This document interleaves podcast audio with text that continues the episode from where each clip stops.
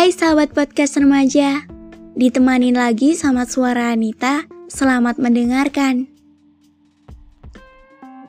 Saya pernah terus ada di setiap kesulitan orang lain, pada teman saya, orang yang saya sukai, bahkan orang yang baru saya kenal. Seakan tangan saya sangat ringan dan membantu adalah hal yang menyenangkan, sehingga banyak banget yang care sama saya. Seolah menanam bunga-bunga berbagai warna di suatu taman yang nantinya dengan harapan yang sangat indah. Saya merasa memiliki banyak sekali teman. Iya, karena saat itu saya sedang berada di atas. Kehidupan saya sedang sangat baik.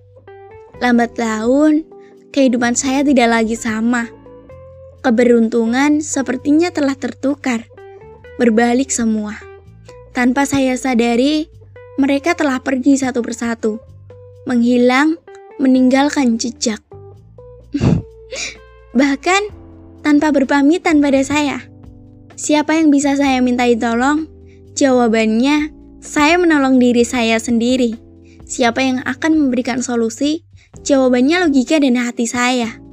Siapa yang akan menjadi tempat menuang segala curahan hati? Jawabannya hanya Tuhan. Beruntungnya saya memiliki keluarga, dan benar saja, mereka akan selalu ada dan tidak pernah meninggalkan, bahkan akan selalu menerima dalam keadaan bagaimanapun.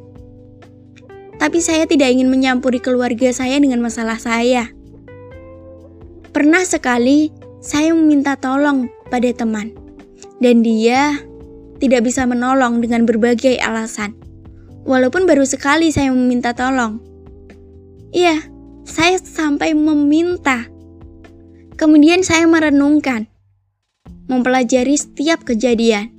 Saya menjalankan kegiatan seperti hari-hari biasa. Bertemu dengan mereka atau teman saya adalah hal yang biasa terjadi pula. Suatu ketika, saat saya berjalan menyusuri koridor kelas, mata saya tertuju pada salah satu teman saya. Sebut saja namanya R. Iya, R adalah salah satu teman saya yang pernah sangat dekat. Sengaja saya berpura-pura tak melihat, menundukkan kepala dan lewat di depannya. Iya, ternyata dia acuh. Dan diam-diam saya mendengarkan obrolan mereka. Sangat manis, sangat akrab, menandakan ia memiliki teman baru yang lebih baik dari saya.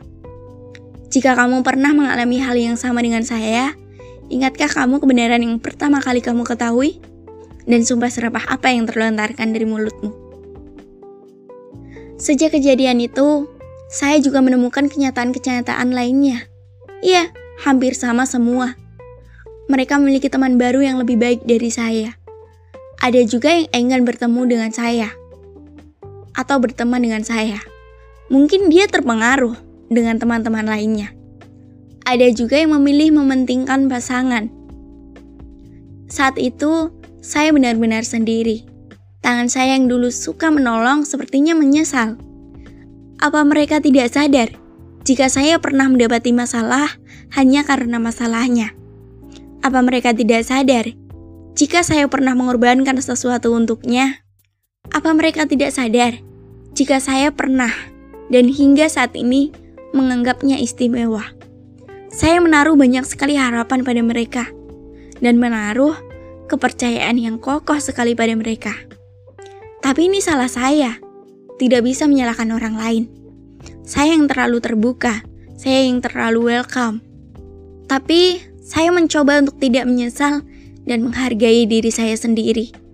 Saya yakin setiap yang saya lakukan pada orang lain dan itu baik, saya juga akan mendapatkan yang lebih dari Tuhan. Entah dengan cara apa dan melalui apa. Bisa saja tidak terduga, seperti mereka meninggalkan saya tanpa terduga.